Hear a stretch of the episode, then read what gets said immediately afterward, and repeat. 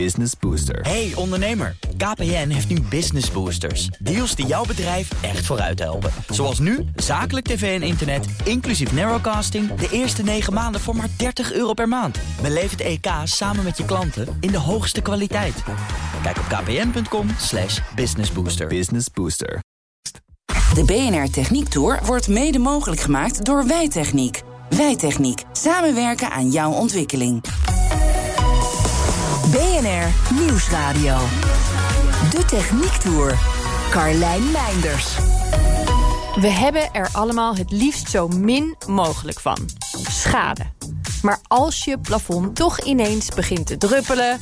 of je bij het uitparkeren net even niet goed oplet... dan wil je vooral dat iemand het zo snel mogelijk komt oplossen. In deze aflevering van de Techniek Tour kijken we mee met twee experts... die wel zo'n beetje alles hebben gezien. De eerste die ons wegwijs gaat maken in de wereld van schadedetectie en schadeherstel... is Bas van den Berg van het bedrijf Polygon. Ja, we zijn hier uh, in een woning uh, met een waterschade en dat is gemeld door de verzekering. Ja? En via de verzekering hebben wij de opdracht gekregen om hier uh, te onderzoeken wat uiteindelijk het probleem is. Vanmorgen hier op locatie gekomen, hebben we de situatie eerst in ogenschouw genomen. beneden in de keuken een lekkage, visuele lekkage, echt vastgesteld. Dus het druppelt? Het druppelt inderdaad, ja. ja. Nou, blijkt dus dat hier al een, een, een lekdetectiebedrijf... een ander lekdetectiebedrijf dan het onze hier al is geweest... om uh, vast te stellen wat het is. Ja? Nou, dat bleek het dus uiteindelijk niet te zijn. Oké. Okay. Uh, en wat ons dan eigenlijk nu verbaast... is dat al uh, aardig wat schade is aangericht door een loodgieter waarschijnlijk... om vast te stellen wat het probleem is. Ja, want we ja. staan nu één verdieping hoger. Ja, we staan nu op de eerste verdieping. Ja. En zoals je kunt zien, uh, uh, is in de badkamer is daar al het een en ander gehakt en gebroken. Die zit zo'n beetje boven de keuken, denk ja, ik, hè? Dat waar is boven het de keuken. ja. Dit is eigenlijk precies boven de keuken waar het nu... Uh, oh jeetje, het is gewoon een kuil gegraven in de badkamervloer. Maar echt? Ja, met het, het, doel denk ik om vast te stellen waar de lekkage zit. Nou ja, dat, ik hoop dat dat het doel was, ja. Ja, ja. nou ja, inderdaad. Wat ga je dan, waar begin je? Ik zou, ik zou niet weten waar ik moest beginnen nee, als ik klopt, het zelf klopt. moest doen. Nou, zoals je kunt zien, hebben we, hebben, wat ik net al beschreven heb... hebben we dus de visuele inspectie gedaan. We ja. hebben gekeken, oké, okay, wat, wat hebben we hier aangetroffen? Nou, en dan gaan we zeg maar, met de volgende stap verder. En dat is een drukmeting op de waterleiding. Ja. Dus we gaan nu kijken of de waterleiding... Nou, die hier deels uh, in het zicht is... maar ook wel deels in de constructie is verwerkt... Ja. gaan we kijken of daar verlies op zit. Oké. Okay. Nou, dus wat doen we? We, we sluiten een uh, drukmeter aan... Nou, vervolgens laten we die in met gewoon de druk van, uh, ja, zoals hier in de woning aanwezig is. Dan vervolgens sluiten we de hoofdkraan af. En dan gaan we kijken of de druk afneemt. Want dan weet je inderdaad waar je verlies hebt eventueel van ja, water. Ja. ja. nou ja, dan heb je in ieder geval een meting. Dat je Ja. kan zeggen, oké, okay, ik heb verlies op de, op de waterleiding. En daarna ga je kijken of het de koudwaterleiding is of de warmwaterleiding. Dat lijkt niet nodig te zijn, want voorlopig blijft de druk keurig staan. Zijn er eigenlijk nog ontwikkelingen in de werkwijze? Nee, er is niet zoveel in veranderd. Nee, het gaat eigenlijk al de hele tijd hetzelfde. Nee, en, en de reden is eigenlijk dat, uh, zoals we heden de dagen bouwen... is ook niet echt veel veranderd. Het enige wat veranderd is, is het materiaal. Oké. Okay. Dus voorheen had je uh, koperen leidingen. Ja. Nou, en nu zijn het, uh, zoals je misschien hier kunt zien... zijn het vaak kunststofleidingen. En je kunt je voorstellen dat die een stuk lastiger te vinden zijn in een muur. Nou, als het koperen leidingen zijn, dan hebben we daar een, een, een, meettoestel voor. En daar kunnen we zeg maar een stroom op de leiding zetten. Nou, dat kan alleen maar als het een, een, een metalen leiding is of een koperen die leiding. geleidt, ja. Precies, want die geleidt de stroom. Nou, kunststof heeft het dus niet... Uh, dus die kunststofleidingen die kunnen we dus alleen maar opsporen weer met een ander meettoestel. Maar daarvoor moet je dus wel heel veel warmte door een, uh, door een leiding laten lopen. Want dat is wat je doet. Je doet, stuurt er warmte doorheen en dat kun je opvangen. Dan kan je een kunststofleiding, vermits die dan uh, niet al te diep in de constructie zit... ja, die kunnen we dan op die manier wel opsporen. Ja. Maar dat gaat veel moeizamer dan wat je dus voorheen deed met een koperen leiding. En wat als je nou bij elke kunststofleiding een koperdraadje erlangs zou leggen? Ja, maar daar heb je het al. Dan moet dat dus vanuit de bouwer gedaan worden. Ja. ja en die gaat daar niet aan beginnen, want die ziet daar het belang helemaal niet van. Het is te duur. Uh, het kan te duur zijn, maar ja, uiteindelijk voor hem uh, biedt het geen meerwaarde. Dat is dus alleen maar uh, als je dus ervan uitgaat dat er mogelijk een keer een lekkage optreedt. Nou ja. ja. En daarvoor zijn we met z'n allen blijkbaar verzekerd. dus... Ze zullen het voorlopig moeten doen met kunststof. En terwijl er qua materiaal weinig variatie is, is dat voor de kwaliteit van het leidingwerk wel anders. Zeker in de tijd dat er eh, heel veel gebouwd moest worden. Nou, dat heb je nu dus ook weer. Uh, zie je dus ook dat ja, het vakmanschap wel uh, sterk achteruit is gegaan. Dus het heeft niet zozeer te maken met de kwaliteit van de leidingen... of de kwaliteit van de koppelingen. Maar het is meer het, nou ja, het verstand van hoe je zoiets uh, zeg maar in de praktijk uh, moet verwerken. Gewoon het installeren eigenlijk. Ja, het installeren eigenlijk. Ja. En dat wordt dan een beetje slordiger gedaan of niet helemaal op de juiste manier. Ja, precies. Of, of te snel. Na zo'n nieuwbouwperiode hebben ze het dus ook extra druk hier, vertelt Van den Berg. Maar even terug naar de lekdetectie zelf. Hoe ver zijn ze ondertussen in de badkamer? Ja, dus nu hebben we de waterleiding gehad. Nou, die blijft op druk staan. Dus waarschijnlijk is het niet de waterleiding. En nu gaan we verder gaan we testen uh, of het te afvoeren zijn. En hoe doe je dat? Nou ja, dat is uh, enerzijds is uh, wat, wat er dus nu gebeurt, zeg maar water er doorheen laten lopen. En dan kunnen we ongeveer de stroming vaststellen.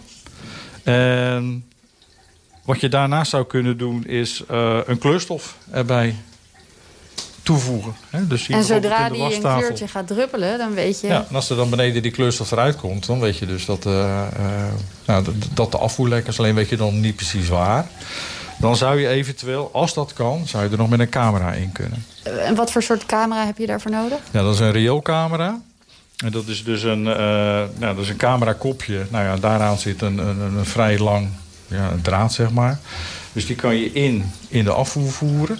En dan kan je zeg maar, met die camera kan je dus inspectie uitvoeren in de leiding zelf. Het is een beetje een endoscopie. Ja, alleen, ja, wij noemen het dan een rioolcamera. Ja. Kijk, alleen een endoscoop, ja, dat, is, dat is nog een veel kwetsbaarder apparaatje. Dus maar een heel klein kopje. Ja. En dat zou je bijvoorbeeld hier uh, in die schacht hebben kunnen toepassen. He, dus op het moment dat je denkt van oké, okay, daar zou wel eens een probleem achter kunnen zitten... hoef je maar een heel klein gaatje te boren. Nou, en dan kan je met die camera kan je dus in die nou ja, leidingsschacht kan je dus inspecteren wat eventueel het probleem is. Het is tijd om de kunststofleidingen te controleren en daarvoor gebruiken ze weer een ander apparaatje. Met deze infraroodcamera kan je zeg maar, uh, nou ja, zeg maar alles wat temperatuur heeft. Dus in dit geval uh, zijn we de, de afvoer aan het belasten met warm water. Kan je die zeg maar door middel van de warmtebeeldcamera... Ah, de douchekraan staat even aan ja. op warm. He, dus we hebben nu een mooi beeld met een, uh, met een endoscoop. Nou ja, met een infraroodcamera. Nou, op die manier kunnen we alles in beeld uh, brengen. Dat blijft dus nog even spannend voor de bewoners van dit huis. We horen straks hoe het afloopt, maar eerst even door naar Dennis Petrus. Dennis, waar ben ik precies? Nou, je bent uh, bij AZ en Autoschade Vermeeren in Haarlem. Uh, we zijn een uh, universeel schadeherstelbedrijf... Uh, wat gespecialiseerd is in een aantal merken, waaronder Tesla. Ik zag ze al. Het staat hier helemaal vol met Tesla's, ja. Het staat hier helemaal vol. Het, ja. dat is niet omdat de mensen niet zo goed kunnen rijden... maar dat is omdat we een van de weinigen zijn... die, die, die de, de schades mogen herstellen. Oké, okay, ja, dat lijkt me wel een vak apart. Dat is een vak apart. Hè? Ja. De auto zit vol, vol met elektronische snufjes en gadgets... en na herstel moeten al die systemen ook uh, opnieuw uh, gecalibreerd worden. Ja, dat lijkt me inderdaad het moeilijkst. Uh, jullie doen ook nog steeds gewoon de ouderwetse auto's, toch? Jazeker hoor, we doen uh, alle merken. Ja, ja. En wat zie je dan het meest voorbij komen qua schade? Um, nou, de meest voorkomende schade zijn toch wel parkeerschades. mensen ja. die schade rijden in de stad of met uitparkeren, inparkeren, een paaltje, vandalisme. Is er een moment waarop jullie zeggen, nou dit gaan we niet meer doen? Um, nou, dat moment bepalen wij vaak niet. Dat, dat is iets wat de verzekeraar uiteindelijk uh, bepaalt. Ja. Uh, wanneer de kosten eigenlijk hoger worden als dat de dagwaarde van de auto is... Ja. Uh, besluit de verzekeraar om, om niet te gaan repareren. Ja, precies. Daar zit het hem natuurlijk in. Want in principe kunnen jullie bijna alles maken dan? In principe kunnen we alles repareren. Alleen ja, financieel heeft, heeft het er wel mee te maken of het, of, het, ja, of het zinvol is. Ja, als we dan niet per se meteen naar de Tesla's kijken... maar naar de, de wat simpelere schadegevallen... Zijn er dan veel dingen veranderd in de techniek? Uh, het traditioneel herstel is niet echt heel erg veranderd. Maar het is meer uh, hoe ga je met uh, de schade om. Dus je moet rekening houden met systemen in de nieuwere auto's... die uh, in verband kunnen staan met, met de schade die op dat moment aan de auto zit. Ja, dus het uitdeuken van een deukje gaat eigenlijk niet heel anders? Dat gaat eigenlijk niet heel veel anders. Alleen uh, rekening houden met eventueel een sensor die achter dat plaatdeel zit. Ja. Dat is wel veranderd. Hè. In, in sommige gevallen mag je dus daarom ook niet meer uitdeuken. Ja. En moet het vervangen worden. Dan moet je hele paneel of je hele deur of je hele bumper of je hele... Ja, Moet ja, gewoon eruit. Ja. Waar je voorheen gewoon eh, het kon herstellen, eh, ja, is dat in sommige gevallen niet meer toegestaan. Nee. Om een Tesla te kunnen repareren moet je denk ik ook als monteur best wel wat andere dingen weten dan voorheen. Eh jazeker, al onze mensen worden, worden voordat we eigenlijk voor Tesla mogen werken, worden allemaal opgeleid. Ja, mensen worden ook continu bijgeschoold. Hè. Dus op het moment dat er nieuwe trainingen zijn of nieuwe werkzaamheden, worden de mensen daarin getraind. Wij beschikken ook over alle informatie om de auto's goed te kunnen herstellen. van de fabrikant zeg maar. Vanuit de Ja. fabrikant, jazeker. En je hebt waarschijnlijk ander apparatuur nodig om dit te kunnen doen. Ja, equipment eh, die in principe goedgekeurd is door de fabrikant en equipment van de fabrikant zelf. De overige merken kunnen we ook herstellen met de universele equipment die we hebben, die ook uiteindelijk goedgekeurd zijn. Het is best ook wel een investering lijkt me om je hele team eh, op te leiden, om al die apparaten aan te schaffen. Dat, dat kan niet zomaar iedereen doen waarschijnlijk. Eh, nee, je Of moet daar kiest niet iedereen voor Dat, ja, het is meer een keuze. En ik denk dat als je de keuze eh, nu pas moet gaan maken... wat je wil, hè, als je verder wil in de technische schade zoals ze nu eh, voorkomen... denk ik dat je wel aan de heel erg late kant bent om die keuze nog te maken. ja, dan kun je het wel vergeten eigenlijk. dan kan je het eigenlijk kan je het wel vergeten. We hebben Ja. die keuze gewoon vroeg gemaakt. En we zijn daarin doorgegroeid. En eh, wij zijn goed in staat om eh, de moderne auto van nu te kunnen herstellen. Wat een grote uitdaging blijft bij deze nieuwe vorm van schadeherstel, nog even los van de kosten van de benodigde apparaten, is het verkrijgen van alle informatie van verschillende fabrikanten. Ze zijn namelijk niet allemaal even happig om alles te delen met schadebedrijven. Maar ja, die info is wel nodig om een auto zo goed mogelijk te kunnen herstellen.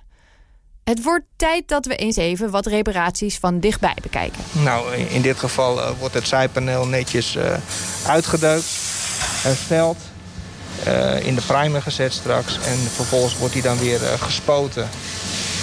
En worden eh, Zie je de losgehaalde delen worden dan weer teruggeplaatst. En zie je er uiteindelijk niks meer van.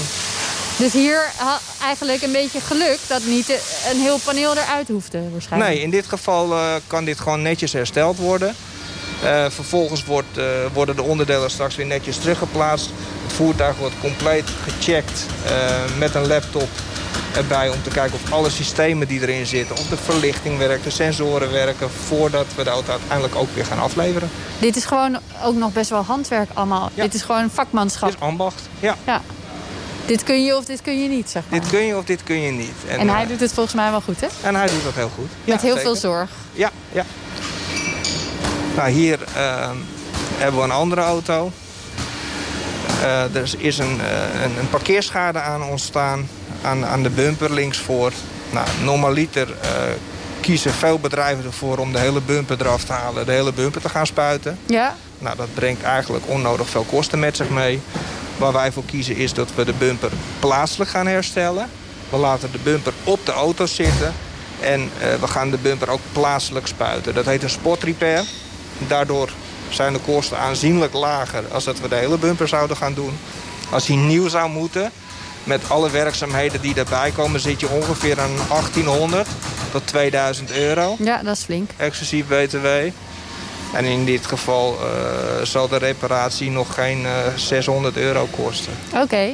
Ik zou denken, als je een stukje ervan spuit, ga je dat altijd zien. Maar dat is tegenwoordig dus niet meer zo. Nee, dat is niet waar. Nee, het is maar net hoe, je, hoe vakkundig de monteur is met, met het uitvoeren van de reparatie. Als ze het doen zoals het voorgeschreven staat en met, met, met de kennis die ze hebben... kunnen ze de reparatie zo uitvoeren dat je totaal geen verschil ziet...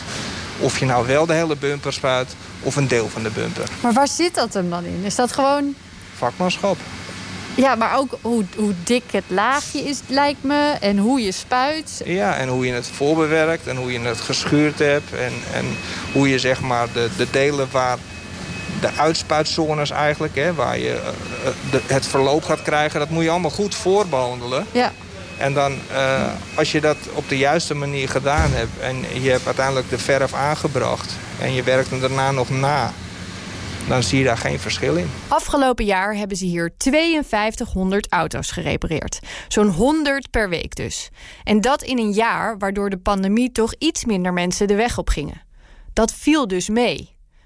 Zijn er eigenlijk bepaalde momenten in een jaar waarop er meer schade te zien is dan op andere momenten? Vooral uh, wanneer het weer omslaat. Als het een, een lange periode heeft geregend, en vervolgens wordt het heel mooi weer daarna. Dan zie je de eerste dag vaak heel veel schades ontstaan. Oké. En vice versa. En op het moment, uh, maar dat is mijn eigen ondervinding... is als, Ja? als de klok een uur terug gaat. Echt of naar voren gaat. Dan hebben wij het ook. idee dat we die, diezelfde dag, hè, in de ochtend... dat we meer schademeldingen ontvangen als anders. Nou ja, mensen zijn gewoon een beetje in de war of zo. Mensen zijn in de war, ja. De Techniektour gaat tussendoor weer even langs in Amsterdam... om te kijken hoe het ervoor staat met de waterschade.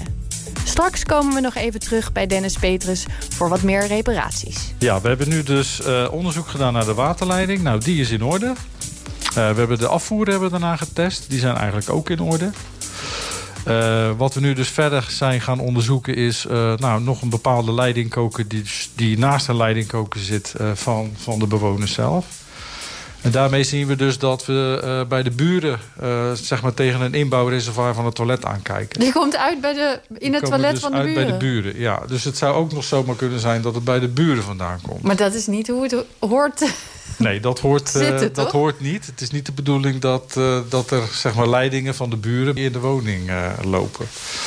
stukje van het mysterie weer opgelost dus. Ja, dus nou ja, daarnaast zien we dus wel zeg maar lekkages vanaf de cv-ketel. Dus die lekken dan ook wel langs de pijp. Dus we zijn wel op bepaalde ja, punten gestuurd... die zeg maar de oorzaak van de lekkage kunnen zijn. We zijn er nog niet. Nee, we zijn er nog niet, nee. En het uiteindelijke oordeel moet ik je verschuldigd blijven. Het mysterie bleef tot ik weer door moest onopgelost. Al leek het er dus wel op dat er meerdere oorzaken waren voor het probleem. Sowieso heel veel sterkte voor de bewoners. Terug naar Haarlem, naar Dennis Petrus van ASN Vermeer. We kijken even mee bij een reparatie. Eentje met schade aan de voorzijde. Nou zit er achter de voorbumper een radar die meekijkt of je niet vergeet te remmen als je te dicht op iemand anders rijdt. En dat maakt het een reparatie die met uiterste precisie moet gebeuren. Kijk, je zorgt er in ieder geval altijd voor... op het moment dat we een radar moeten gaan afstellen... en de radar is een systeem in de auto dat eigenlijk vooruit kijkt. Ja. En radar is weer wat anders dan een optische sensor bijvoorbeeld die op een auto kan zitten. Dat is een ander, andere techniek Dat is een andere techniek. Je hebt sensoren in de bumper zitten bijvoorbeeld die voor het parkeren... Hè, die Mhm. kleine afstanden meten. Maar radar, een radar meet een langere afstand. Ja. En eh, je moet je voorstellen als daar een millimeter afwijking zit... op een lange afstand kan dat grote gevolgen hebben met, met, met wat de radar ziet. Ja. En, En- wat die de auto laat doen vervolgens. En wat hij de auto uiteindelijk laat doen. Want ah, op het moment dat de radar een signaal krijgt... dat er iemand voor hem stilstaat... terwijl dat niet zo is... maar dat dat iemand is op een andere weghelft... Met doordat de radar verkeerd is afgesteld... dan gaat de auto een remingreep doen. Ja. Omdat hij denkt dat er iemand voor hem stilstaat. Het blijft uiteindelijk wel een computer. Die, ja, er gaan getalletjes in... En daar komt een uitkomst uit en die, en die computer neemt een beslissing. Maar die kan niet fysiek kijken van... Hey, Die staat denkt niet even, staat niet even een seconde erbij stil of die wel eh, Of hij wel goed de cijfers goed interpreteert. Ja, precies. Dus dat is eigenlijk hetgene wat een radar doet. En doordat je de auto goed afstelt... en de radar goed afstelt in de auto... en vertelt hoe die moet kijken ten opzichte van de auto... en de wielafstellingen... Kan, kan je op die manier een veilige reparatie uitvoeren... en zorgen dat, dat de radar goed staat... Voor Ja. op het moment dat het misschien weer een keer nodig is. En hoe weet je zeker dat de radar goed staat? Dat weten wij doordat wij een, een, een rapport uit het systeem eh, krijgen... waar we ook kunnen aantonen dat we de, de, de radar hebben afgesteld... Ja. volgens de voorschriften van de fabrikant. Dus dat is allemaal een soort voorgeprogrammeerd eigenlijk. Dat is Het is voorgeprogrammeerd. niet iets wat je nameet. Dat zegt het systeem zelf. Ja, dat komt uiteindelijk hè, doordat je bepaalde borden voor de auto zet... en de camera en de radar in combinatie met de, met de wielstanden... Ja, dan komt er een mooi rapport uit. En als dat rapport binnen de toleranties valt, zoals de fabrikant aangeeft... dan kunnen we ervan uitgaan dat dat goed gerepareerd is. dan moet je ook wel steeds meer vertrouwen op technologie als monteur, zeg maar. Ja, je moet techniek omarmen. Dat Ja. is iets, eh, en je blijft continu leren en doorleren in nieuwe technieken. Er is nog een onderdeel waar ze hier, al zeggen ze het zelf, uitzonderlijk goed in zijn. De machine die daarvoor wordt gebruikt kwam uit een hele andere sector. Verder kijken dan de deur van de garage. Dat doet Petrus graag. We repareren ook eh, velgen. Dat doen we eigenlijk ook landelijk. Is dat eh, moeilijk eigenlijk? Ehm, het, het lijkt me best wel simpel, maar er staan hier best wel wat apparaten voor. Ja, wij, wij repareren voornamelijk eh, CNC afgedraaide velgen. Wat is dat? Ik wist dat je dat ging vragen. dat zijn velgen waar een gepolijste kant op zit. Oké. Ehm, het zijn vaak velgen met twee kleuren. Oké. Met een mooi gepolijste kant aan de voorzijde en de spaken aan de binnenkant die zijn dan zwart. Nou, heel veel Ah ja, schadeherstellers kunnen dat zelf niet repareren. Omdat ze gewoon de middelen niet in huis hebben en de apparatuur niet in huis hebben. En wij kunnen dat wel. We hebben daar een aantal jaar geleden in geïnvesteerd. En we zijn er best wel in gegroeid. Ja, En dit is er zo eentje hè, die nu hier Ja, ligt. dat is zo'n velg. Er zit zo'n spiegelkant zit daarop. Ja. En vaak raakt dat beschadigd door een stoeprandje te raken of, of ja, iets anders. En voorheen werden die velgen eigenlijk vervangen. Nou, In zijn geheel gewoon. in zijn geheel, omdat de reparatie niet mogelijk was. Ja. En ja, zo'n velg kost gauw 800, 900 euro Zo, om te, om te vervangen. ja. En het repareren daarvan, dat is een fractie daarvan. En, en wij hebben daar gewoon echt bewust voor gekozen om dat te kunnen doen. Om A, voor onze opdrachtgevers eh, een acceptabele reparatie te kunnen aanbieden. Dat het niet te duur wordt. En omdat wij daar gewoon toekomst in zien. Dat we steeds meer auto's met dit soort velgen zien. Waar zit het hem dan in dat je dat nu kan? Sowieso het juiste apparaat aanschaffen en mensen daarin opleiden die dat kunnen. Want wat is er moeilijk aan? Het is eigenlijk freesbanktechniek. Het gaat met een laser eh, meet je zeg maar de velg in. En vervolgens zijn het allemaal getalletjes in het scherm wat je moet nalopen. Het is eigenlijk een beetje wiskundig. Eh, ja, Het is niet zo dat het apparaat, je stopt er een velg in en, dan hij komt er poetst nieuwe hem op uit. en hij komt nee, er weer uit. absoluut niet. Nee. Elke velg is anders en elke velg heeft een andere manier van eh, afslijpen nodig. En daardoor kunnen wij dit soort velgen gewoon goed herstellen. Nou zijn dit allemaal nog redelijk overzichtelijke schadegevallen. Maar het gaat natuurlijk ook wel eens echt goed mis. ja, dit ziet er allemaal meteen wat heftiger uit. Ja, kijk, dat zie je ook de auto's. Zo, die witte daarachter. Ja, daar is echt eh, Ik- een Als ik dat zo schade. zie, zou ik denken, nou, die is niet meer te redden. Ja, dat, voor een leek eh, die zou dat ook Zo. zeker denken. Maar Dat zou maar je Tesla zijn. ja, maar dat, dat gaat helemaal goed komen hoor. Dat, eh, daar, ziet, daar zie je straks helemaal niks meer van. Wauw. Die wordt gewoon helemaal hersteld zoals de fabrikant het voorschrijft. En uiteindelijk wordt hij helemaal nagemeten, nagelopen, eh, uitgelezen... om te zorgen dat de auto weer net zo goed was als voor de aanrijding. Heb je zelf eigenlijk ooit ook hier gestaan? Ja, ik heb ooit eh, in de werkplaats gestaan als, eh, als monteur. Ja? Niet zozeer echt in het schadevak, maar wel in het technische vak. En uiteindelijk ja, heeft mijn vader me ooit gevraagd om op de receptie te komen zitten. Of tenminste, er kwam een plekje vrij. En zo ben ik eigenlijk in het schadevak gerold. En Ja. eigenlijk het hele administratieve gedeelte op die manier opgepakt en geleerd. Dat was ook hier. Ja, dat is ook hier geweest. Ja, ja. dit is een familiebedrijf. Dit is een familiebedrijf. We zijn eh, met, eh, met drie broers. Eh ons vader heeft het in 1997 heeft hij het opgezet. In 2013 hebben we uiteindelijk het bedrijf overgenomen. En eh, ja, eigenlijk eh, uitgebreid eh, tot wat het nu is. Ja. Dat we het overnamen hadden we circa 22, 23 mensen in dienst. En inmiddels zijn we gegroeid tot 40 man personeel. ja, flink. Ja. ja. En daarmee zijn we aan het einde gekomen van deze aflevering. Volgende week duik ik in de topsport en hoor ik welke technische hoogstandjes de Nederlandse sporters naar Olympisch goud gaan helpen. Tot dan vind je alle afleveringen van de Techniek Tour online en in de app.